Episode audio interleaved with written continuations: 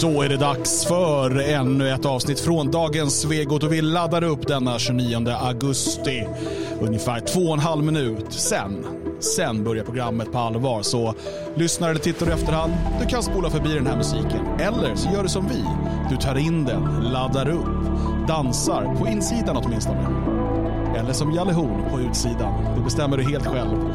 Kom in i chatten och säg hej om du är med live. Vi har Natalia, Mats, Eva-Marie, Förfed Makter, nyfunnen nationalist och Helge och Daniel. Tage är med, Leif är med. Oj, oj, oj. Nu kör vi alldeles, alldeles strax.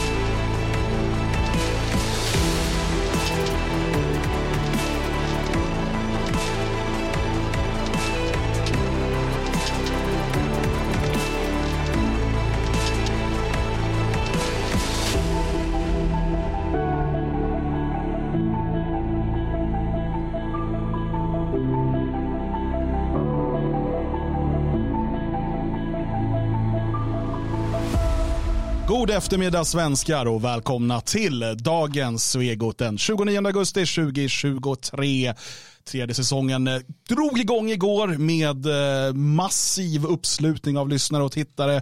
Väldigt många fina kommentarer, det är vi väldigt glada för. Vi blir jätteglada när ni kommenterar ja, när ni kommenterar snälla saker framför allt.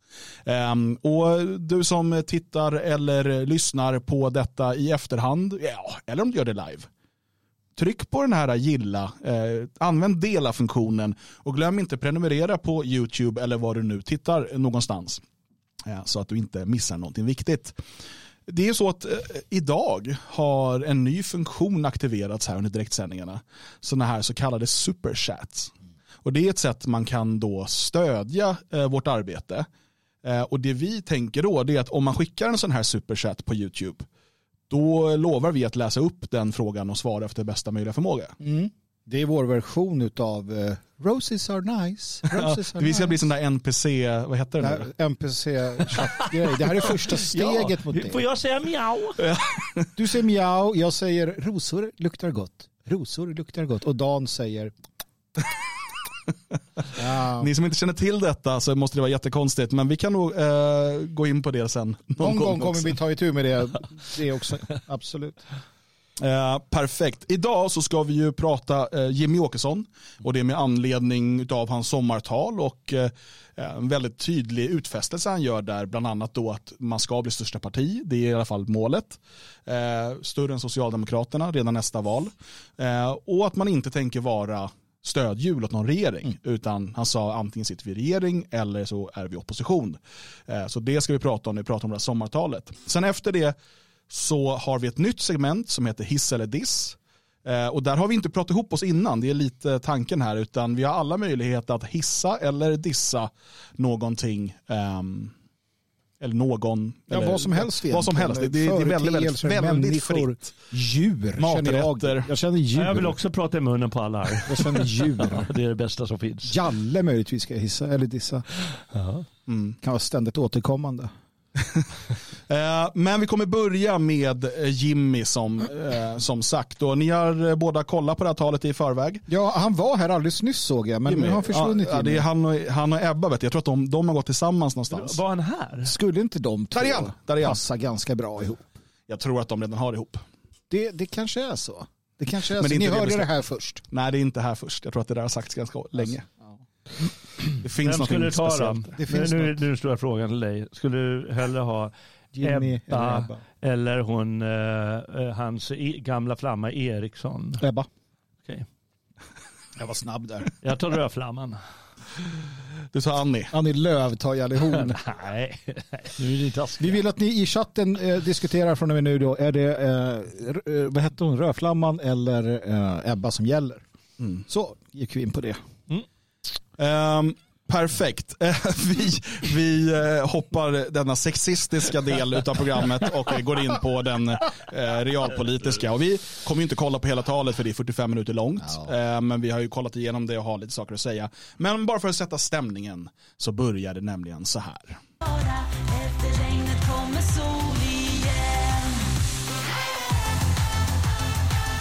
Tack för det Jessica. Varsågod. Oj, det blev ju lite folk. Ska Var det någon som hade svårt att hitta hit? Jag hörde att det var många borta och kollade på något teatersällskap borta vid Slottsudden där. Eh, Det här är alltså Havsudden. Många Många uddar. uddar här. eh, I udda. Udda Sölvesborg. Nu kommer första ordvitsen. Det kommer fler. Upp med händerna! Det där är farligt att säga. Det där har jag lärt mig när jag håller tal inför nationella. Att det är farligt att säga det där. Nej, det tänkte jag också. Oj, jävlar. Hade man stått i publiken så hade man ju all right Jimmy, nu kör vi. Jag, må, jag, jag måste säga att, eh, jag måste säga att eh, Jimmys eh, uppknäppta skjorta är en eh, heder för honom. Ja. Ja, alltså, okej, är vi lite pratade ju lite om Ebbas utseende igår, så då, då är det väl helt okej att vi pratar om Jimmys utseende också. Jag, jag skulle jättegärna... eh, ja. Har han inte blivit plufsigare? Det är klart han har. Jag får säga klart det. han har. Det, det är svårt att Det får inte han väl bli. det. Ja, det får han jättegärna bli. Eller jättegärna, det får han väl bli. Men han gick ju från plufsig till ganska eh, smal. Ja. Och nu verkar han vara på väg tillbaka till sitt... Och då kanske, han kommer, då kanske det gamla SD kommer tillbaka Men kan det också. bero på Ja, att ja. han har redan liksom säkrat Ebba då, så att han inte tänker så mycket på det där mer? Ja, eller att Ebba sa att du är alldeles för smal för mig. Ja just det, jag vill ha en plus. Det jag gillar Rolf Lassgård-typer så. Eh, eh, när vi ändå är inne på det här. eh, Jag, jag tycker faktiskt han är, han är... Kommer ni ihåg när Jimmy Åkesson, han såg ut som ett ihoptryckt Ja. sån där. Ja. Så jäkla tråkig. Han har som en kamrer alltså. Ja. Jag måste Nu säga är han lite eh, avslappnad och så här strandraggar. Ja, men det är lite Roberto Fiore över honom, fast lite yngre. Ja, Ja.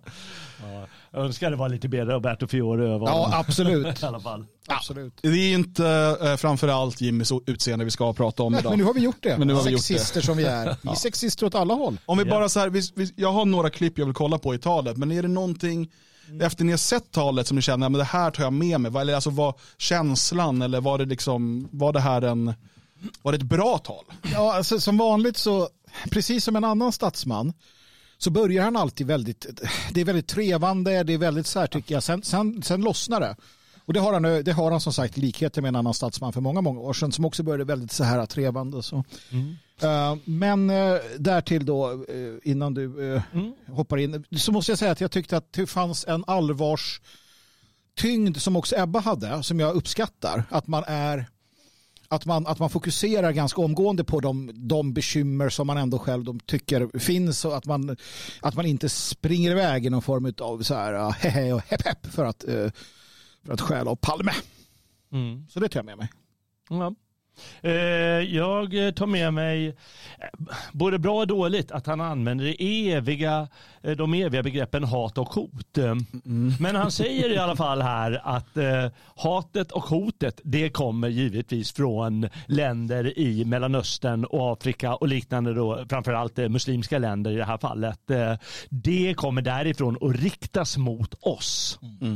Och det är bra, för det är alltid vi som får ta den där hat och hot-skiten. Men han vänder lite på det här och säger att ja, men, kolla vilka som egentligen står för det. Och det var ganska tydligt att det var en, en tanke bakom det. Ungefär som Ebba, Ebba Busch eh, vända kinden till igår. Det var ganska tydligt. Mm. Ja, men generellt sett så tycker jag att han håller en bra, en bra liksom, standard genom, genom hela talet. Jag har eh, noterat det här med igenkänningsfaktorn han pratar om att svensken då eh, eh, inte verkar fatta hur allvarligt det här är. Och jag, jag, Ja, jag just det. tycker det är bra att han ändå understryker allvaret. Jag ska, vi kommer komma in på det här. För, att, eh, för det som jag bara säger att jag, det jag tar med mig, eller det jag känner så här efter att ha sett eh, hela talet och, och funderat lite på det, det är att den här eh, debatten som är just nu om koranbränningar och så, den är ju väldigt bra för SD på ett sätt. Inte så att, vet, som, som deras motståndare säger att de utnyttjar den eller så, utan det som är tydligt är att här är Jimmy i trygga vatten. Här är han i sitt rätta element. Han, han vet, det här är ämnen han kan. Han, och han kan slå varenda en av resten av, alltså sjuklöven åtminstone, på fingrarna i den här debatten. Eh, och han har, till skillnad från alla de andra, när han börjar kritisera mångkultur och liksom att böja ryggen för islam och så vidare, han är den enda som eh, alltså, har någon uns av, um, ska man säga, trovärdighet i det. Ja, ja, absolut. Till skillnad från de andra sju partiledarna som alla har varit uttalade och de flesta är uttalade mångkulturalister, eh, massinvandringsförespråkare. Jag menar, de pratar ju om tillfälliga stopp för att typ få ordning på systemen. Ehm, men låt oss eh, lyssna lite här på när han pratar om ehm, den här utvecklingen i Sverige. Våra blodiga i Sverige på knattefotbollsmatcher. Vi har läst om hur kurder i Sverige attackeras av turkar och vice versa. Och så vidare, och så vidare. Om inte det räcker så finns det ett talande exempel för bara några veckor sedan där, hör och häpna, Järvafältet. Regimtrogna eritreaner och regimkritiska eritreaner drabbade samman med tillhyggen och grovt våld i Sverige 2023. Alltså, är det bara jag? Eller? Det tar mig tusan, ska jag säga, helt sjukt att vi har hamnat här. Svenskar, det är dags att vakna upp. Verkligheten anropar. Det här är ju, eh, för det han har gjort, han har ju gått en lång tirad om mångkulturalismen. Och det här är ju var mångkulturalismen har, har tagit oss. Ehm, och sen kommer Deutschland Erwache. Svenskar, det är dags att vakna. Den, jag var lite förvånad över att han använde den retoriken. För att den är lite bespottad, eh, eller väldigt bespottad ifrån liksom etablissemanget. Just, för det blir alltid just, nu gjorde jag också den kopplingen till Deutschland Erwache. Alltså, eh, och att man kanske ser folk på sociala medier som är så här, vakna nu svenskar. Han plockar upp den och tar den och faktiskt i ett sammanhang där det fungerar. För att han har ju gått igenom, eh, det här var den här mångkulturalismen som de alla ville driva igenom. Och det här är vad vi ser. Ja, och sen eh, tror jag att alltså, han är ju skicklig på det att han... Eh, alltså, han, han, han har spelat det här spelet nu väldigt länge. Och någonstans så, så är han väl en av de bästa på att eh, se vartåt opinionen, eh, liksom, inte, inte opinionen som vi läser om i tidningen utan, utan rent faktiskt utifrån hans perspektiv. Vad han behöver säga just nu. Hur långt han kan gå. Vart är folk generellt sett? Jag menar, han har de facto, han och de fyras gäng då, eller hur många de var till sist, har ju manövrerat Sverigedemokraterna dit de är idag. Um, och, och det är ju en bedrift såklart och det har de ju gjort uh, genom att eh, som, alltså genom att kränka och förolämpa stora delar av sin egen uh, bakgrund, sina, sin egen rörelse som den kommer ur. Men vi får ju också ge vid handen att de har lyckats med de mål man uppenbarligen satte upp. Så, så att eh, jag ser det som positivt att han ändå eh, skärper till eh, retoriken när han känner att han kan göra det. Um, och det säger någonting också, också om, om hur partiet tänker. Så att jag, jag är positiv till det, absolut. Mm. Nej, det tycker jag. Um, och återigen, här är han ju verkligen i trygga vatten. Um, sen kommer han in på det här med att vara, vem är svensk? Och här, eh, eh, jag skulle säga, hade han bara sagt så här och vi inte hade vetat några andra saker så hade jag inte haft någonting emot det han säger här faktiskt. Så här säger han. Man blir inte svensk för att man flyttar till Sverige. Man blir inte svensk för att man flyttar till Sverige. Vissa kan bli det. Man kan bli det. Men det kräver till att börja med att man vill bli det, eller hur? Och den viljan den saknas hos alldeles för många av dem som har valt att flytta hit de senaste decennierna. Utan istället så tar man med sig precis det beteende och de konflikter, allt det där som är själva orsaken till att ens eget hemland är ett samhälle som ingen vill bo i, som man vill fly ifrån.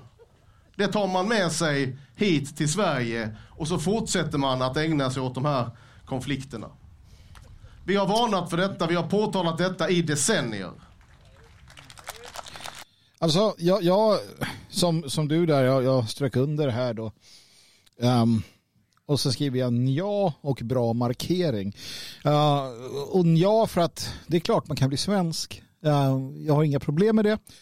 Uh, annars så hade ingen kunnat bli svensk och vi, kan, vi kommer få nya svenskar framöver också. Eh, enklast är det för de som föds som svenskar. Men eh, det är klart att somliga andra kan bli svenskar med tiden. Eh, enligt, det brukar ta ett par generationer. Lite beroende på. Men det, där har han rätt. Problemet är ju vad menar han och så vidare. Men jag tycker ändå att i kontexten som, som det är just nu så känns det ändå som en, en bra markering. Och att han, han gör det han kan inom, ramen, inom den ram han ändå har att förhålla sig till. För skulle han liksom förvandlas till mig där och säga ja men Julius Streicher, han sa ju. Det kan ju inte göra här. Utan vi måste ju se i vilken kontext vi tittar på de här sakerna. Streicher är ingen direkt idol kan jag säga på en gång. Då, men jag tog den värsta av den värsta. Um, så, så att inom ramen för vad han har att jobba med tycker jag att det här är ett jättebra uttalande. Jag vet inte vad du tänkte på där när man vet. Ja, men man vet ju vad, när de har pratat om öppen svenskhet och det har liksom blivit en väldigt sådär, eh, de har nästan förlöjligat hela begreppet svensk genom att eh, i stort alltså, göra det till något väldigt ytligt. Men eh, hade man inte haft den kontexten så är det liksom, ja absolut. Så här, båda mina barn är födda i Tyskland. Eh, båda de har en tysk mor. Eh, en svensk far hoppas jag. Delvis Eskimo, men det ska vi inte prata om det. Och eh, båda de lärde sig tyska innan de lärde sig svenska. Jävla tyskungar det där. Ja, ehm, även om svenskan kom ganska snabbt därpå. Men eftersom de, mamman pratade tyska och sådär. Låter ju som drottning Silvia båda två. Men, men det är klart att de kan bli svenskar, Ja. så att säga. Enligt Jimmy i alla fall. Ja, men, enligt, mig, mig. enligt mig också. Bara de vill tillräckligt. Men det, Det, det, är klart blir ju, att de, de är ja, svenskar. Ja. Och tyskar. Jo, men det, alltså, Men bli... etnicitet är ju ett jävla komplicerat begrepp för det innehåller en massa saker. Svenskättlingar i USA som aldrig har varit i Sverige, inte talar svenska och så vidare. Eh, det är klart att de kan bli svenskar så att säga, men de är ju inte svenskar. Tage har, För det är bra, mer än bara biologiskt så att säga. Tage har en bra, en bra förklaring här i chatten. Eh, Vi har en chatt som löper eh, hela tiden under livesändningen. eh, För er som lyssnar efterhand. Germaner kan bli andra germanska nationaliteter. Och det blir man ganska lätt som, som german. Ja. Det, det är lite svårt att bli italienare. Eh, Men eh, för att bara lägga till, han säger ju inte riktigt här, utan jag tror det är lite längre fram, då säger han ju faktiskt att eh, de som inte går med på det här, de hör inte hemma här. Det säger han faktiskt. Han säger ju inte att vi ska ta och deportera dem sådär, men han säger det i alla fall. Och det betyder ju att han menar att det är en jäkla massa människor i Sverige som inte hör hemma här. Och det, det får man ändå lägga till i alla fall. Jag, jag måste också säga att jag, jag uppskattar, när vi ändå är i den här delen av talet, jag uppskattar att han, att han ändå är, ehm, att han ändå uppmärksammar historien med Socialdemokraternas nedstängning av hemsidan. Vi, vi hör för lite om hur socialdemokratin, framförallt vänstern, har legat till sängs med eh, den muslimska skökan. Eh, vi har hur man öppnade upp för alltså, tro och broderskapsrörelsen, hur man, hur man slöt avtal Ja. Socialdemokratin slöt avtal. Det finns underskrivna papper på hur man öppnar upp för islamisering bara man får röster. Och sen det här då att man, att man stängde ner Sverigedemokraternas hemsidor. Och eh, det som är bra i det sammanhanget det är att han drar upp det här med hat och hot innan. Han säger ju nämligen att, eh, att det, finns, eh, det, det, det här är någonting som är, finns ett hat och ett hot mot västlandet nämligen då olika, eh, han kommer in på det här med, vad heter det? Eh, yttrandefrihet. Eh, Ja, det kommer över. Ja, det kanske kommer längre fram. Men han säger det i alla fall här redan. Och som, som en förlängning av det så säger han att de här haten och hoten ledde till att Socialdemokraterna med Laila Freivalds spetsen stängde ner Sverigedemokraternas hemsida för att de eh, la ut bilder på eh, de här Mohammed-karikatyrerna. Mohammed-karikatyrerna i Jyllandsposten. Och eh, det betyder att Socialdemokraterna är för hat och hot. Ja, men och absolut, de är absolut. dessutom beredda att stänga ner eh, delar av samhället. Mm. Eh, helt enkelt strypa yttrandefriheten i hatet och hotets namn. Så det, det förknippas med sossarna också här. Det är ganska snyggt det där, lite subtilt och jag tror inte han tänker på det själv men det finns där i alla fall. Nej, men absolut. Mm. Eh, jag har ju valt ut några liksom, eh, tidsstämplar här. Som jag, om ni har några speciella som ni har skrivit ner så eh, kan jag ta fram dem också. Ja, nej, men det... Ehm, sen har vi eh, här då, jag tycker det var lite kul, här går han in på en, en, en rant nästan om, om, ja, om muslimer. Ja. alltid har lett till historiskt. Och jag menar också att det är minst sagt naivt att tro att ett sånt förbud skulle göra någon som helst skillnad till det bättre. För det första, om man nu tänker bara ett varv till så förstår nog de allra flesta att det kommer inte att räcka med att förbjuda bränning eller eldning av religiösa skrifter. Är det inte någon som bränner Koranen så är det någon som ritar en streckgubbe och kallar den för Mohammed. Eller så är det någon som uttalar sig negativt om islam i allmänhet. Eller så är det någon som påtalar obekväma sanningar om profeten Mohammed. Eller så är det någon som tycker att kvinnor och män ska ha samma rättigheter. Eller så är det någon som inte klär sig på ett visst sätt. Eller så är det någon som äter bacon. Eller så är det någon som inte har tillräckligt stort skägg.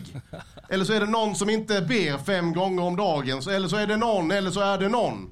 Det finns alltid en ursäkt. Alltid ett skäl att ge sig på vår del av världen. Och det har historien tydligt visat. Han, det är väldigt elegant. Väldigt elegant försvar han Jomshof här. Väldigt elegant, tycker jag. Att någon som säger eh, sanningar om, om profeten Muhammed. Det är uppenbart Ja, precis, vad han, han- menar. ja. Och jag tycker det är väldigt fint gjort. Och det, ja, men det är precis sådär. Det är sånt här man gillar. Det är retoriskt jättefint tycker jag. Ja, Han verkligen. säger det utan att säga det. Mm. Jag har ändå jobbat länge på det här skägget. Jag känner om de, Ja, alltså, Du ja. rökt jag får ju inte det där riktiga maffiaskägget som, som man behöver. I och för sig har jag sett muslimer med väldigt gles skäggväxt, långt skägg men väldigt eh, sådär. Det- Så att eh, det behöver inte alltid vara maffigt. Nej, det, det ska vara långt. Men, men eh, det är faktiskt någonting annat han säger. Han säger att historien har visst, det har alltid varit så här. Det, är inte, det har inte pågått de senaste åren bara, utan det har varit så i hundratals år från den muslimska delen av världen. Det här angreppet mot väst och det är rätt kaxigt att säga. Idag mot väst men historiskt överallt där de har etablerat sig. Överallt där islam har vuxit starkt så har man gått just den här, man börjar kräva, vi har gått igenom det här flera gånger ju, hur många procent, när börjar vad hända. Ehm, men jag menar Beirut är inte eh, Mellanösterns Paris längre. Nej, och, och betänk då bara, snälla ni, eh, den här lilla, lilla staden i USA som jag säkert, att ni säkert alla har läst och hört om.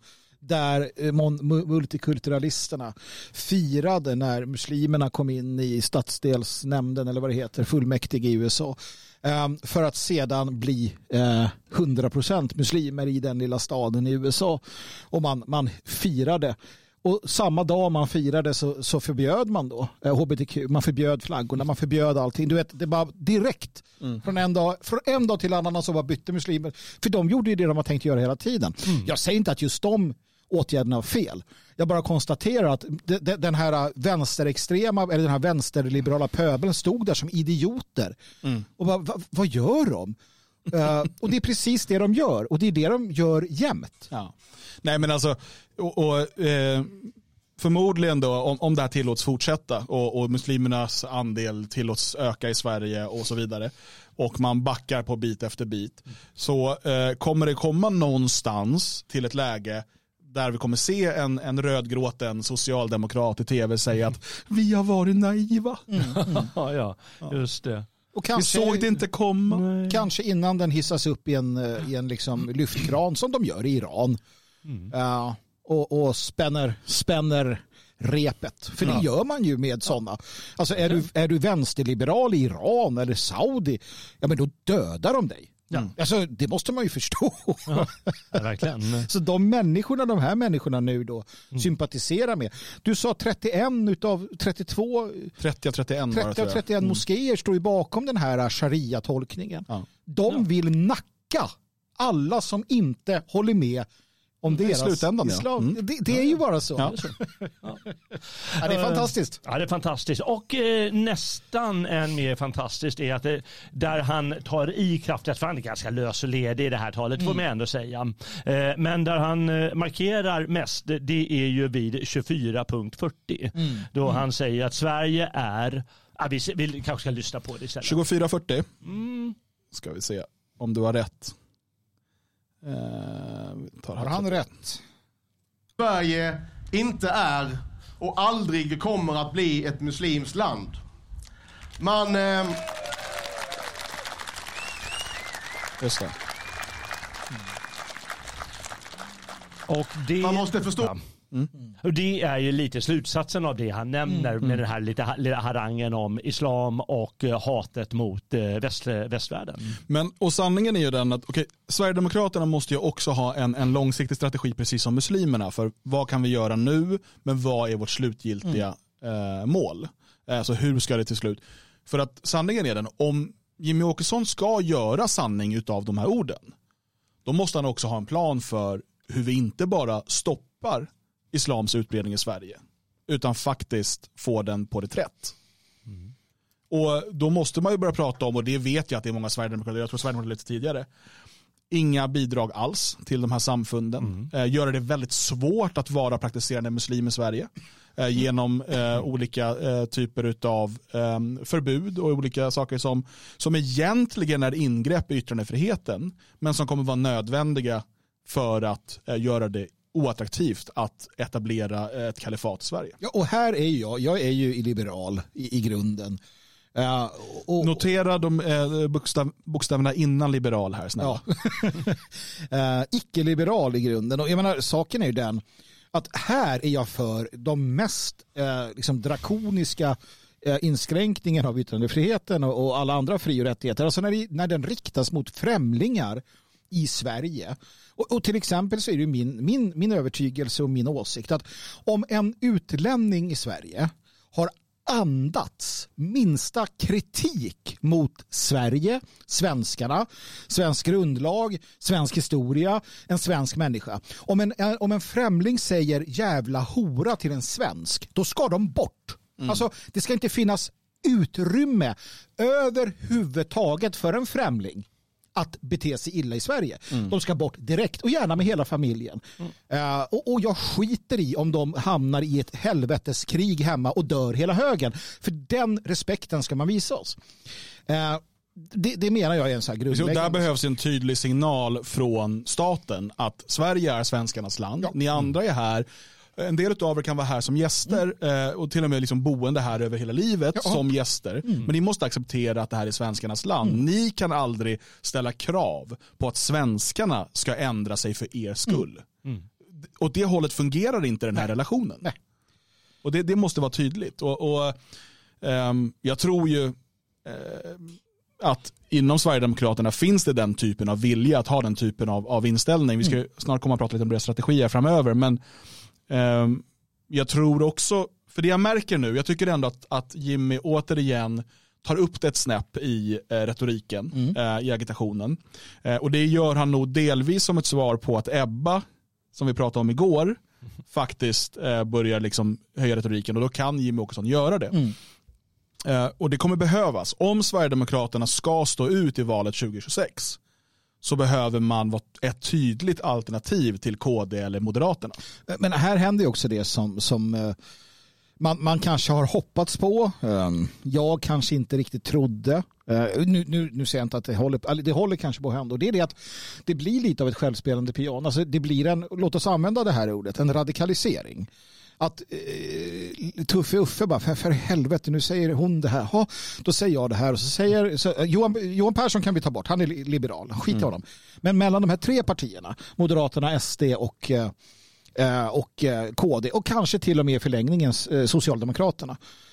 Så, så, så blir det liksom en, en, en, den här processen, den här, det skruvas åt andra hållet mer och mer och mer. Att aha, hon säger det, då måste jag säga det. Och då måste jag säga det. Och sen så sitter sossarna som inte Men det är har några principer. Overton-fönstret. Precis, och nu, nu kanske det flyttas. Eh, kan flyttas lite mer rejält åt ett annat håll och det vore ju fantastiskt bra. Eh, Då får vi respit om inte annat om det blir lite annorlunda.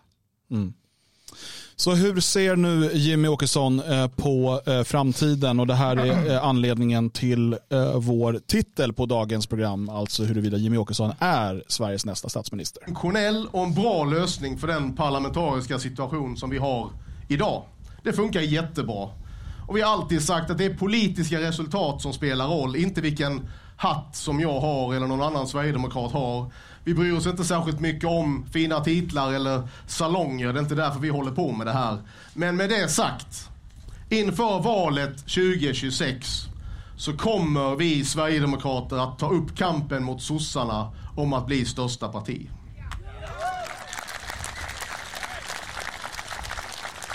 Så först då att de ska bli största parti, eh, att det, det, är det, det kommer vara målsättningen.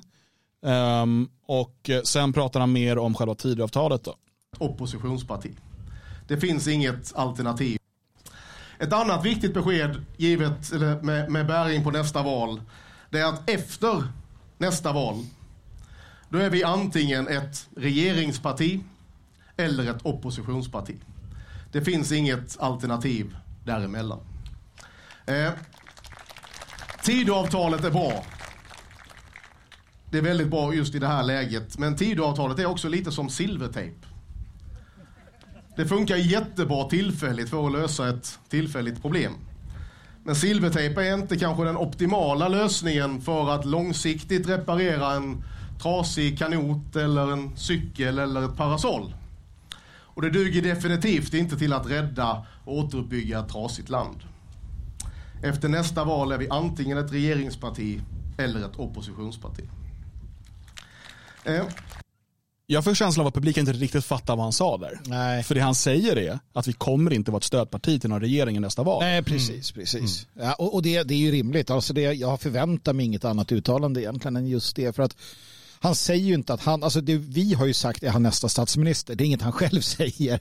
Det han säger är eh, att vi är antingen opposition eller i regeringsställning. Alltså, Och är det så att man är största parti, speciellt om man är större än till och med oppositionspartiet, alltså större än Socialdemokraterna, och man sitter i regering, då ska man aspirera på ja. statsministerposten. absolut, absolut. Så händer allt det där, då, då, är, då är det klart att han ska kräva statsministerposten. Det är Och, eh. Man kan ju då eh, argumentera för, vi kan bara säga så här, att i opinions- opinionsmätningarna just nu så har vi ingen sån regering. nej. Men, men, men det är långt kvar. Man kan ju argumentera för att, för att nu var det så här, men SD är inte redo att sitta med i regeringen, de är liksom, du vet sådär. Ja, men nu har de gjort de här hundåren. Eh, de kan inte acceptera det här igen. Och helt ärligt, om de är största parti, kanske till och med med bred marginal, varför, alltså mot eh, Moderaterna och KD, varför skulle de acceptera att sättas på en justitieministerpost och inte på en statsministerpost? Nej. Eh, utan där måste, nu är det ju dags för ryggrad. Liksom. Ja. bekymren för dem eh, som jag ser det, det är ju det att, eh, och, och det är ju det som, som vi alltid har pratat om, det är demografin. Um, här, här kommer ju problemet, nu, nu vet jag inte hur mycket som hinner ändras till nästa val, va? men eh, sosseriet lever ju än så länge på att de får nya, eh, de får nya väljare genom eh, framförallt den invandrade delen. Då. Och det kommer vara några som fyller 18 och det kommer komma nya där. Så att eh, bekymret kan bli att den här andra då, delen, eh, borgerligheten eller vi kallar den för, att de, att de återigen hamnar i en sån här situation där till exempel Liberalerna blir viktiga eller liknande. Och, och Det här är ju problemet och då ska vi se hur han förhåller sig till det om det skulle hända. För att jag ser ju inte att jag ser ju inte att SD blir största Eh, parti i valet. Jag, jag gör inte det. Om man inte anpassar sig ännu mer. Om man inte blir vän med en viss invandrargrupp, syrianerna, muslimerna kanske blir svårt, men någon grupp som sossarna har kohandlat med och får alla deras, jag vet inte. Nej, demografin är en viktig eh, faktor i det här som, som ju i sig omöjliggör att till exempel SD skulle få 50 procent. Eh, det vi inte vet, eh, för demografin vet vi ungefär hur den kommer att se ut om tre år. Det vi inte vet är världsläget, händelserna, allt runt omkring som kan påverka. hur kommer, um, hur kommer muslimer uh, och islamister bete sig de kommande tre åren? Hur mycket folkligt, liksom, folklig vrede kommer byggas upp emot eventuella terrorattacker eller, eller liknande. Eh, hur kommer eh, den finansiella situationen, kommer vi gå in i en finanskris? Alltså en riktig finanskris, en, en, en, närm- närmast en depression. Eh, vad kommer räntorna ta vägen? Hur kommer kriget gå i, i Ukraina? Det finns många sådana här faktorer som kan få effekter på det svenska valet. De behöver inte vara positiva för Sverigedemokraterna. De kan vara det. Och det är därför det är så svårt att säga. Eh, Så som det ser ut nu skulle jag säga att SD kommer få mellan 15 och 30 procent Ja, nästa val. precis. Och det är ju en helt värdelös analys för att det liksom, det är, men för, just nu kan inte jag sätta det. Jag kan inte göra ett tajtare spann. det är jättesvårt i, man kan inte kalla det mitten eh, eh, me- mellan två val här, men det är liksom lite där i, i kommit till det läget de här två åren. Och opinionssiffror betyder ganska lite då. Men det är bra i alla fall att han markerar mot, för sossarna har ju kört väldigt hårt anti-SD-lopp just för att splittra regeringen och hålla på med sina två utspel. Och då markerar han på sitt sätt här, ja men då ska inte, nej, vi ska bli större än sossarna. Och vi ska dessutom, eh, vi ska inte vara något eh, stödparti utan vi ska sitta i regeringen. Och då är det liksom mycket markering mot sossarna och eh, det, det, det självförtroendet man försöker i alla fall visa upp i det läget, det betyder ganska mycket mot alla de som ändå lys- råkar lyssna lite av det här talet. Ja, ja, men fan kanske ska rösta på Sverigedemokraterna, de är ju stora och starka. Tjena, tjena. Så, så han markerar i alla fall och det är alltid någonting men det är omöjligt att säga hur det kommer. Ja, men som, som vi alltid har sagt här är ju det att eh, framtiden är väldigt huggen i sten. Alltså vi vet vart det barkar här. Om inte det vi inte kan komma, om det, så länge inte det vi inte kan veta vad det blir händer. Men just omvärldsläget. eh, och, och som sagt, skulle vi till exempel, nu, nu hörde vi om att IS och andra då, eh, grupper uppmanar till massakrer på svenska poliser. Låt oss säga att det skulle genomföras en massaker på svenska poliser i Allahs namn. Eh, vart tar det vägen i opinionen? Jag tror inte att det är Magdalena Andersson som får nya röster eller liknande. Alltså, det är sånt där vi inte har någon aning om. Va? Ehm, och, och då kan vad som helst hända. Så att, eh, ja, nej, vi, vi får, det är därför vi återstår eh, se. Det återstår att se, heter det. Mm. Ja, ehm, om vi bara då, för att avrunda det här, vi, vi eh, säger så här, det är september, året är 2026, det hålls val. Sverigedemokraterna har blivit största parti och kan bilda regering med Moderaterna och Kristdemokraterna. Och eh, man kommer överens om att Jimmy Åkesson ska bli Sveriges nya statsminister. Man har majoritet i riksdagen, man kan rösta igenom det, det kan inte stoppas av eh, oppositionen. Vad händer då? Hur kommer Sverige, eh, hur kommer media reagera, hur kommer oppositionen reagera, hur kommer våldsvänstern reagera, hur kommer islamisterna reagera? Vad tror ni? Vad, vad, hur är Sverige den vintern?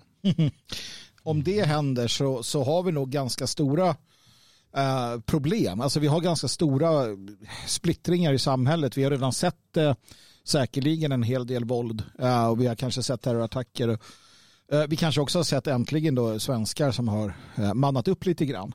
Jag tror att det kan bli ganska tufft. Eh, framförallt om man bor i storstäderna eller i närheten av de här områdena. Om man har liksom många utlänningar i, i sitt område eller skolor och sånt där.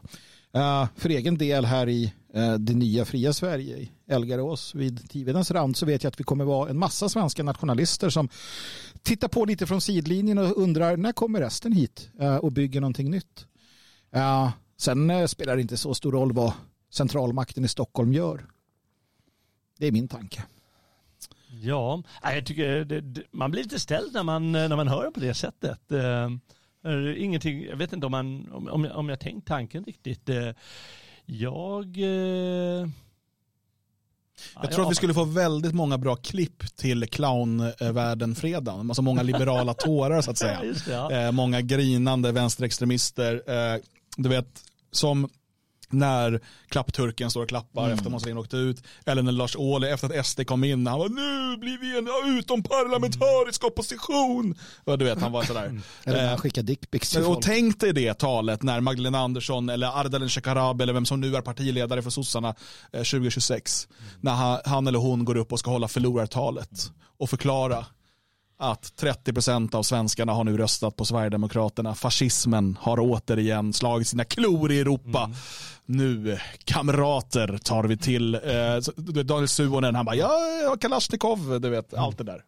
Ja, eh, jag jag misstänker faktiskt att eh, media det, går, det låter ju som att det skulle gå fort på tre år. Men om de nu skulle kunna få ett sån, en sån möjlighet att bli så stora, då tror jag att media anpassat sig lite efter dem. Att det gått lite den vägen eh, de här nästa tre åren. Eh, jag tror inte att det är möjligt annars. För folk, eh, folk eh, de köper vad som sägs på tv och om tv hela tiden eh, säger ah, men de är onda, de är onda, de är onda. De kommer hitta på nya skäl och säga att de är onda. De kommer hitta på så många grejer. De kommer göra som de gjorde med Trumpen och säga att de har ryska connections. Och så, så, men om, om de nu skulle hamna i ett sånt läge då tror jag media, de följer med. Så jag, jag tror inte... Och, och det gäller de andra partierna också. De kommer säga det här med fascismen. De kommer nog tona ner det där språket lite tror jag. Mm. Det är enda sättet. Hur eh, tror du att Sverige skulle vara med eh, Jimmy Åkesson som statsminister? Hur hade man reagerat? Lämna gärna en kommentar under det här programmet. Eh, Väldigt intressant att få veta vad ni som tittar och lyssnar tycker och tänker också. Nu tänker jag att vi lämnar Jimmys tal. Det gör vi rätt Ja. i. Och så går vi in på ett nytt segment som vi har kallat för hiss eller diss. Eh, Vi hade några alternativa förslag också som jag har glömt bort nu. Ja, alltså jag hade ju ett eh, väldigt bra där med negert. Just det, vad, vad var det? Vad var det andra? Eh, Jag kommer inte ihåg men... Neger eller negert? Nej, men, hmm, hmm, eller negert. Negert är ju alltså ett, ett, ett, ett, en slang för något som är dåligt. Alltså negert. Ingenting annat. Negert. Eh, och jag tycker ju då, hiss eller negert kan jag säga. Jag tycker det hade varit någonting. Negert, ja. Jag hade, ju- jag hade mitt, eh, min, min dåliga fantasi kom äntligen på något eh, som jag tyckte var eh, lite bra och det var ju kung eller pung. Men det är som att du då vill Vilket vill att pung ska vara dåligt på något sätt. Ja, men fan, den hänger där nere. Ja, men den har ju ändå en bra funktion. Ja, mycket bra funktion. Men eh, ja, Ja, eh, jag tänker så här att vi kommer få börja med eh, Jalle Horn. Hiss eller diss. Ska vi se om vi hittar det. Eh, Jag kör båda i, på samma papper. Oj, Ja. det är effektivt. Och en gång var femte eller möjligtvis tionde år ska jag hissa. Eh, Svenska Dagbladets eh, redaktion. Är det dolda kameran? Nej, det var, Ja, det var ja. kameran var där. Ja, nej. Otroligt noga. Ja. Och den fruktansvärda människan tycker jag då, Tove Livendal. Jaha. Du ska hissa Jag Tove. gissar henne för tillfället, det är bara för en dag. Berätta, nu måste du motivera dig. Ja. Ja, men hon har nämligen gett en pungspatt, eh, pungspark åt eh, sin eh, kollega, eller vad man ska kalla det för, konkurrent, eh, den, vi, den som givetvis på, åker på dagens diss, eh, nämligen Peter Wolodarski. Aha, okej, okej. Ja, men det här låter bra. Varför har de blivit ovänner? Eh, jo, det är ju så att eh, Tove hon tog fram Stora Plunkan och köpte för tre år sedan köpte över Lena Andersson till sitt stall. Och eh, då är, är Peter Wolodarski, han är putt på det. Så har han skrivit sin bisarra artikel eh, om Lena Andersson där hon kom med lögner bara för att hon pratar om sin sketna reception på Sicilien. Kommer ni ihåg det? Ja, just det. Ja, vädret eh, var, var bra. Och då menar eh, Livendal att han menar att Wolodarski bedriver ett, ett korståg mot kättare. Nämligen man får inte gå emot klimathysterin. Hysterin. det, måste, det ska vara en, inte bara en agenda utan det är ett fundament man Ah, står okej. på. Det var ungefär som när man inte fick ifrågasätta massinvandringen utan det var Exakt. liksom, för det är ett grundläggande människovärde liksom, eller Det är någonting, så att det är Ja, det. eh, ett Ja. imperativ. Liksom. Och det är ganska viktigt för då visar hon ändå vad som har hänt med svensk press. För det är likadant i Svenska Dagbladet egentligen. Men nu så visar hon hur det är på DN. Och det är att de som skriver, de blir givetvis rädda. Kommer Wolodarski hänga ut mig imorgon om jag skriver det här? Och det, är, ju- det visar var svensk press har gått. Utan att hon riktigt fattade lilla Livendal. Eh, nämligen att folk vågar ju inte skriva. De känner vi måste vara alla agendajournalister nästan. Utom eh, lite snurriga Lena Andersson som skriver lite vad hon känner för. Och jag ska villigt erkänna ibland eh, måste man säga att hon har eh, träffar verkligen rätt. Ja, ibland så är det stollerier. Och det kanske inte är, jag tycker inte som Wolodarski, för han kallar det nämligen stollerier det, och tokerier det hon skriver. Och konspirationsteorier och en massa olika eh, gräsligheter. Så det, det var i samma veva kunde jag faktiskt hissa henne. Så men både en hiss dag. och en diss. Så blev det en hiss och diss i samma. Ja. Ja, men det, det tycker jag är, tycker jag är bra. Jag har inte mycket att tillägga. Nej. Eh, utom att det är värt ibland att titta på vad som händer i gammelmedia faktiskt. Och det är uppenbart att eh, DN eh, och i stort sett all gammal media idag ser som en roll att hålla människor i schack. Att hålla debatt. Alltså att inte, alltså inte nog att man har agenda att man driver fram en egen åsikt. Utan se till att ingen kliver utanför den åsiktskorridor man har satt upp. Ja. Och vad vi får hoppas kommer ut av det här. Och det, vilken dröm. Tänk om det blir ett motsvarande rosornas krig mellan Schibsted och Bonniers. Ja? Men- men- Vore inte det skönt? Jag måste ju också i det här sammanhanget säga det, alltså, hoppa på lite där som Jimmy sa om att han man är lite besviken på svenskarna. Jag, eh, jag var ute på Twitter där jag tycker att fler borde engagera sig för övrigt. Eh, Fler, fler av våra lyssnare och tittare här borde eh, Bli en faktiskt, exare. Ja, ja, bli en exare, engagera sig där för att det, det händer ganska bra saker. Eh, jämförelsevis med vad som händer på andra plattformar. Va? Så att, eh, gör gärna det, bli en exare. Du också. Eh, Elon, send me the money. Eh, nej men, eh, där hamnade jag i delo med eh, någon, någon, någon herre då som eh, krävde att man skulle redovisa Eh, Så här, ja, men, eh, det var inte jag som hade sagt, det var någon som skrev då att eh, DN är en, en vänster, att det, den vänstervridningen på DN. Och då så, så gick den här gubben in då, fyrbarnsfarsan tror jag han kallar sig för eller någonting. Och bara, ja, men då får du bevisa det, ge mig exempel. och folk i, i Legio så här, men, och jag gav mig också in i det där och sa, men det är väl för fan uppenbart. Alltså, hur kan du ens så här? Och då så här, ja men vad bra att du säger det, för då kan du ge mig tre exempel. Och då blir man så här, ja, tre tidningar, Vet tre du, exemplar. ska jag berätta min fascistiska inställning till det där? Ja. Jag kollar hur många följare den personen har och om det är värt att bry mig. Ja, ja. Om det är så att den har tusentals, Ja. ja. då kan det vara värt för att då får de se mina svar. Ja. Är det som det ofta är, någon, någon med 27 eller kanske 210 eller någonting, Mm. du vet, av av 200 är liksom ryska sexbottar, Ja. eh, då eh, skriver jag till sexbottarna men jag svarar inte honom. Nej. Jag kan ge mitt lilla exempel här. Och det är att klimatförnekare som de är på DN så har de inte skrivit en rad om att eh, man i Grekland har eh, haffat 80 pyromaner. Nej, precis. Och det har Precis. de faktiskt inte nämnt Nej. fastän han skriver fakta på bordet. Ja, Så är det. Vi får se. Eh, nästa man som ska spela är Magnus Söderman. Hiss eller diss. Hiss eller diss. Och jag, jag eh, känner ändå att jag har eh, en lite längre diss och sen en, eh, en, en hiss som, som blir lite grann bara för Gud vad balanserade ni är. Jag har fått gräva Och- bland massa dissar bara. Och dissen hittar jag på X. Eh, och där har en eh, eh, kille som heter Hampus retweetat Mattias Våg, Guldfiske, som eh, har skrivit följande. Och alla vet vem Mattias Våg är. Och, och ni vet, jag gillar stringens och jag gillar att man står upp för sig själv och jag gillar att man är så här, ja, alltså principer. Har man liksom så, ja. Men i alla fall, Mattias Våg som jag alla känner till då, han skriver alltså på en tweet eh, följande, citat Mattias Våg, ett guldfiske. Eh, en annan dubbelgångare är den Mattias som fascistmedier speglar tillbaka. Där stannade tiden 2001. Beskriver att jag är samma person som då. Där finns inte min övergång från autonom till postautonom. Själv känner jag mig som jag lämnade mitt puppstadium där. Hos dem är jag kvar. Och jag, alltså, någonstans kände jag att det här måste ju vara något jävla hittepå. Men av, av allt att döma så har alltså Mattias Våg den här känslan. Då. Han är alltså ledsen Alltså, och det är här jag blir arg. Jag blir arg på att Mattias Våg inte kan stå upp för att han är autonom, för att han är våldsbejakande. För i helvete Mattias Våg, han har inte lämnat någonting. Vadå puppstadium? Han var i Hamburg och dirigerade våldsamheter för några år sedan.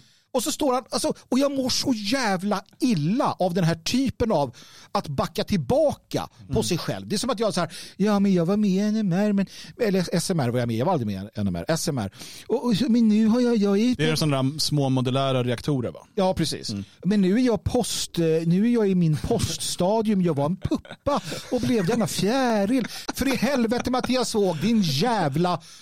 Alltså, jag vet inte vad jag ska använda för fult ord. Va? För att det blir så patetiskt och pinsamt.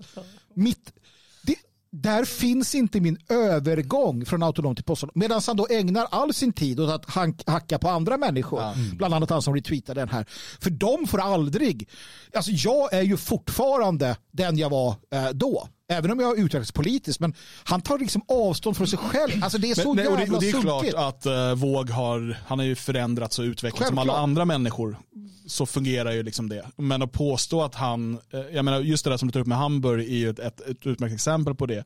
Och han rör sig fortfarande de kretsarna. Idag, I dagarna ger Brand, eh, tidningen, han arbetar för ut ett hyllningsnummer till AFA. Ja. Ehm, så liksom, nej, det är mycket möjligt att han själv inte slår folk på käften. Nej, han är ju för tjock och för gammal. Är möjligt. Jag, vet känner- inte. jag det är möjligt. det Nej, men det är, ja, men, precis. Det är möjligt. Men det är ju inte det det handlar om. Nej. Han är ju fortfarande eh, den han är. Sen, sen återigen, eh, han, alla människor förändras och utvecklas och det ligger också lite i den sakens natur att man en viss, en viss typ av radikalism försvinner med åren. Eh, liksom att man får en större förståelse för att saker är, det finns ganska många nyanser i livet. Eh, men, men, eh, nej. Men vem uttrycker sig så här? Vad fan har hänt med er? Herregud vad pinsamt. Jag, Nej, dig på tycker- cykeln. jag tycker det är så pinsamt att om han inte vore en mask skulle jag skämmas för mänskligheten. Ja. Men som tur är är han vad han är. Så en, en rejäl diss där Mattias Håg. Jag, jag, jag förväntar mig fan inte mycket av dig. Men ärligt talat, jag förväntade mig mer än det här. Ja, nu är han ute och cyklar igen. Ja, nu är du ute och cyklar igen. Du, eh, det var det. Det andra är liksom en, en, ett hedersomnämnande bara. Eh, vad, jag hiss. vill, vad jag vill hissa, ja precis. Eh, och hissningen går faktiskt till, och jag lever ju enligt principen risa när risa bör och rosa när rosa bör. Rosas när rosas bör. Hissa och dissa heter det va? Ja, precis. Jag använder också negert, eh, bra eller negert. Eh, och eh, då vill jag hissa Jimmy Åkesson. Oj. Ja, det tycker jag att vi kan gott och väl göra för att jag tycker att han eh, skärpte till sig, han levererade bra. Ehm, vi, eh, jag tänker att min lilla hissning här in, efter det här sommartalet och de sakerna kan få honom att hålla stilen. Ehm, och han har också för första gången någonsin har Jimmy Åkesson stått upp för en kompis. Alltså eh, i det här fallet då Jomshof. Um, ja, det kanske inte är första gången men det, det var väldigt tydligt att han gjorde det. Och jag gillar när Jimmy Åkesson står upp för, för kompisar. Han är ganska dålig kompis generellt sett mot Sverigedemokrater. Så att det är skönt när han gör det. Så eh, Jimmy Åkesson, ehm, ta det här, sätt igång lite svensk ungdom. Ta en grogg och kom ihåg att Söderman här, han eh, hissar dig för tillfället. Kanske blir en diss nästa gång om du inte håller dig. Eh, så, tack för mig. Tack så mycket Magnus. Vill du lägga till något Jalle eller känns det bra så? Eh, nej men det var en fin hissning och dissning eller eh, neger eller negert eller vad man nu ska kalla det för. Eh, En hissning och, och halning som det stod Ja. här av någon. Eh, Okej, då är det min tur va? Ja, Det är din tur.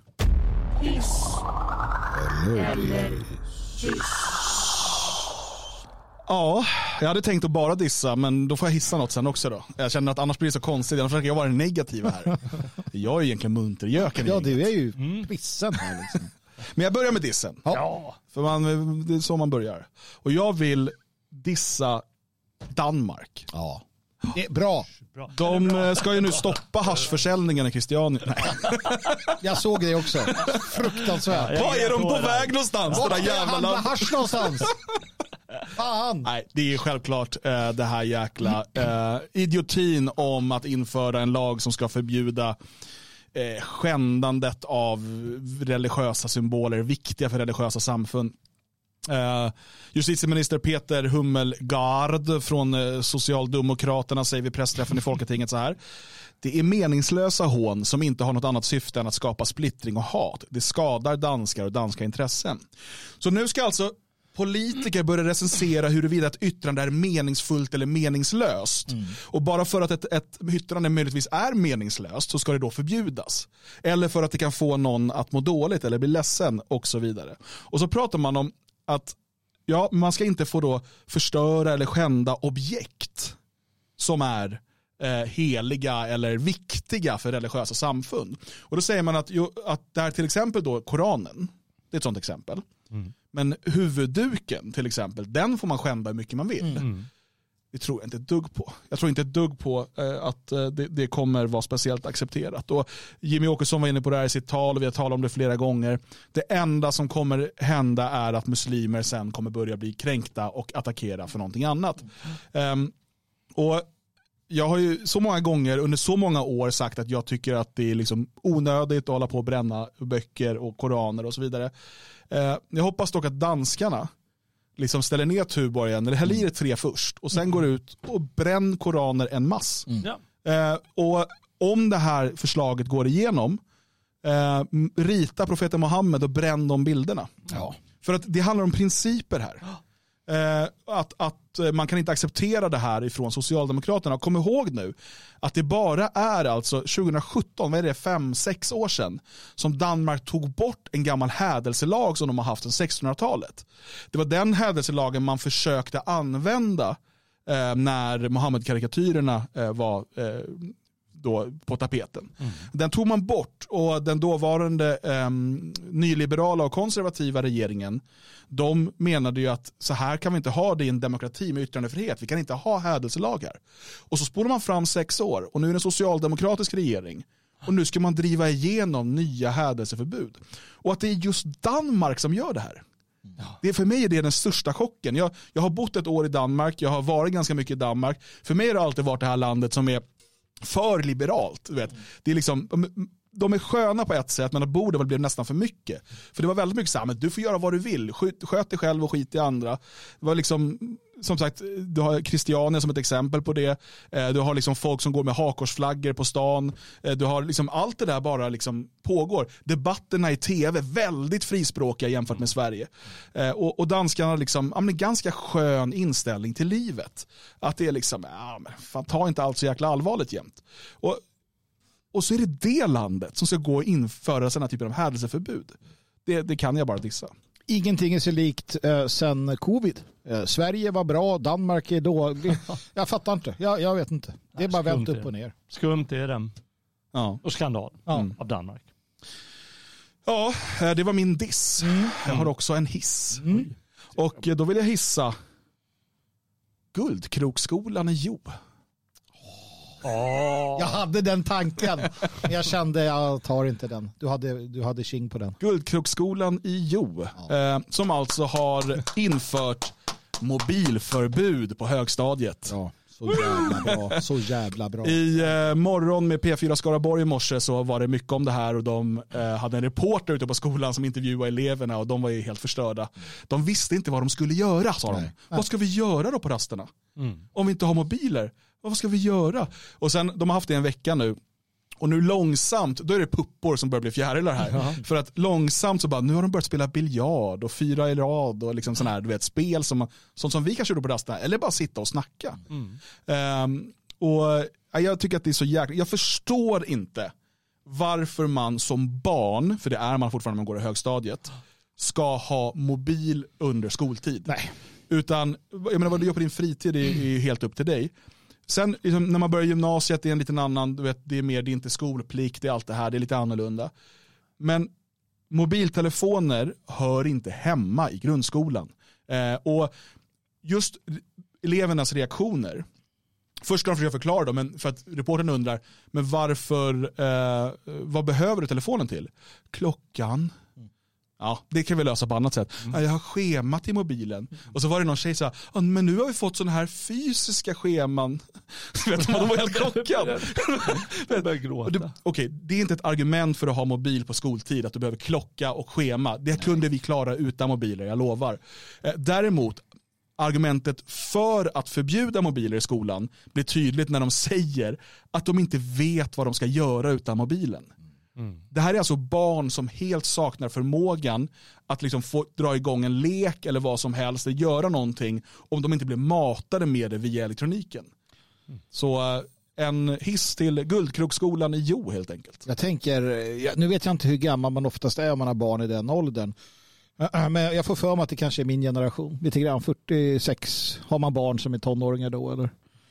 Mina barn, jag har Ja, ju jävligt gamla barn. Av orsaker. Som... Ja, ja, skitsamma. Men det jag, det jag tänker på är att, att, att jag lyssnade ju på Juni och eh, Freja. Uh, Juni och Idun var det. Juni och Idun, eh, två flickor där som pratade om det här. Och jag vart ju lite sur. Eh, På Juni, framförallt lite på Idun. Idun var ganska bra. Freja hette hon kanske. Nu kommer jag inte ihåg alls vad hon hette. Sen tänkte jag ett varv till och så kände jag att så här, deras jävla föräldrar, vad fan håller ni på med? Jävla föräldrar där ute. Ja, men det är inte, na, jag skulle, jo, till viss del, absolut. Men samtidigt, just i den åldern, eh, när all, alltså alla har mobiler. Jo, jo. Och att det är ju det. Och du vet på ju själv, jag har väl samma problem när jag sitter hemma. Så börjar man titta på telefonen och pilla och sådär. Och det är väl samma sak, och jag menar, de är uppvuxna med det på ett sätt som vi inte är. Och då är det helt naturligt, så fort du får chansen börjar du kolla någon TikTok Men eller jag vad det nu är. vet ju också att somliga föräldrar, till exempel föräldrar som jag har i det här rummet, gör vad de kan för att motverka eh, tidigt hos sina barn den här typen av beroenden och liknande. Så fortfarande är det föräldrarnas ansvar. Och vi har ju som föräldrar en mass bestämt oss för att skita i sådana här saker och låta allting bara gå åt ett håll. Eh, och låta skolan liksom så. Så att jo, jag, jag, jag blir förbannad på föräldrarna. För hade man tillsammans och i samråd sagt att nej, vi ska begränsa det här nu, så hade det varit en annan sak. Ja, alltså, så här bara, eh, ett undantag. Om du har telefonen i skolan för att se på Dagens Svegot. Ja, alltså det, slå lä- nej. Vad vill du säga Jalle? Eh, nej, men jag ska bara hålla med om att föräldrarna betyder mycket. De sätter, de sätter faktiskt press på eh, skolan i sådana här fall och säger att nej, men då måste jag, jag måste ha kontakt med mitt barn och de håller på för de har Hur överlevde vi? Precis, ja. men de har ju blivit beroende av den här kontrollkontakten också. Och det är ju, det är ju bara, det är ju, det, finns det något underbarare än att inte ha sina barn i närheten? Ja. Så kan bara, så kan bara en kärleksfull far säga. Så jag, tänker också, jag tänker också bara få säga det, när, när Dan säger hur överlevde vi, då tänker jag alltid på de fyra stycken som dog i, i skolan. Ja men det, det var en del ungar som strök Jo, med när de klart. växte upp utan att ha telefon. Jo, men det, det där med att knäcka ägg för att göra en jag trodde omelett. du menade att det var några elever här som Nej, nej, men, nej, av att de nej, nej, nej, nej, men när man växte upp så var det ju några som försvann där på skolan Ja, under, okej. under åren. Ja. Eh, nej men eh, det andra är ju, några har skrivit här att hjärnan är inte färdigutvecklad och så vidare. Och det här visar ju klart fall, det här är ju en ålder då man lite svårt, man, de vet inte riktigt vad de ska göra. Vissa går och spelar pingis och sådär kanske, men det är många som verkligen, de stryker bara omkring. För de har kommit in i den här eh, puberteten eh, och de vet inte vad de ska göra med livet lite, så de går och bara snackar lite och då, då är det så lätt om de har telefonerna och bara hålla på med det hela tiden. Eh, I gymnasiet är det också kritiskt givetvis, men det är inte lika för där, där har de lite en annan initiativförmåga att göra lite annat. De kanske måste göra lite läxor, de kanske måste förbereda någonting och så vidare. Men, men i högstadiet är det väldigt viktigt. Eh, På, eh, på grund, alltså grundskolan 1 till 6 då är det förkastligt givetvis eh, att ha mobiler. Och det, Alltså det min son går i trean, han hävdar ju att de flesta i hans klass har mobiler. Nu får de väl inte ha det, jag tror de får ha det innan skolan och efter skolan, men de sitter ju då fram tills lektionen börjar på något sätt. Jag vet inte exakt hur det funkar, men, men eh, för, för mig är det helt, jag, jag, jag är ju, Det är jag, det här är första gången som jag verkligen börjar känna mig som en gubbe. Men För jag fattar inte där. Men jag har ju noterat ibland när man har tittat på människor som är yngre än en själv som har växt upp med telefoner att de har sådana auto, alltså deras, deras fingrar är på auto. Eh, sitter de med en telefon, även när de bara läser så rör sig tummarna som att de liksom som att de swipar. Det, är en, alltså en, det har blivit en, en, en ryggmärgsreflex och, och jag, blev, jag blev förskräckt när jag såg det. Bara, vad fan, vad händer? Och de bara rör sig. Ja. Ja, men en, det betyder ännu nästa grej att det blir, det blir en sorts cover för verkligheten. Eh, ni har inte varit i skolan men jag vet alltså när vintern kommer då har de tjocka jackor barnen. Och de vill gömma Inte sig i mitt. den. Mm. De gömmer sig i den här tjocka, de har på dem på lektion, drar på luvan och så vill de inte vara med. Jävla För de vill inte hålla på med verklighet. Det, det är inte Ja. bara det att det är liksom lektion, utan de vill inte finnas där. Och mobilen har precis den funktionen att jag vill inte finnas där och då håller jag på att härva. Och så missar man halva livet. Eh, Så det är livsfarligt för dem när de ska bli människor så mördar mobilen den chansen. Mm. Så det- alltså det är mycket farligare än vi tror det här med mobilernas närvaro. Ja men det är det, absolut. Så att, eh, ja, jag är ju för ett eh, totalt förbud av mobiltelefoner.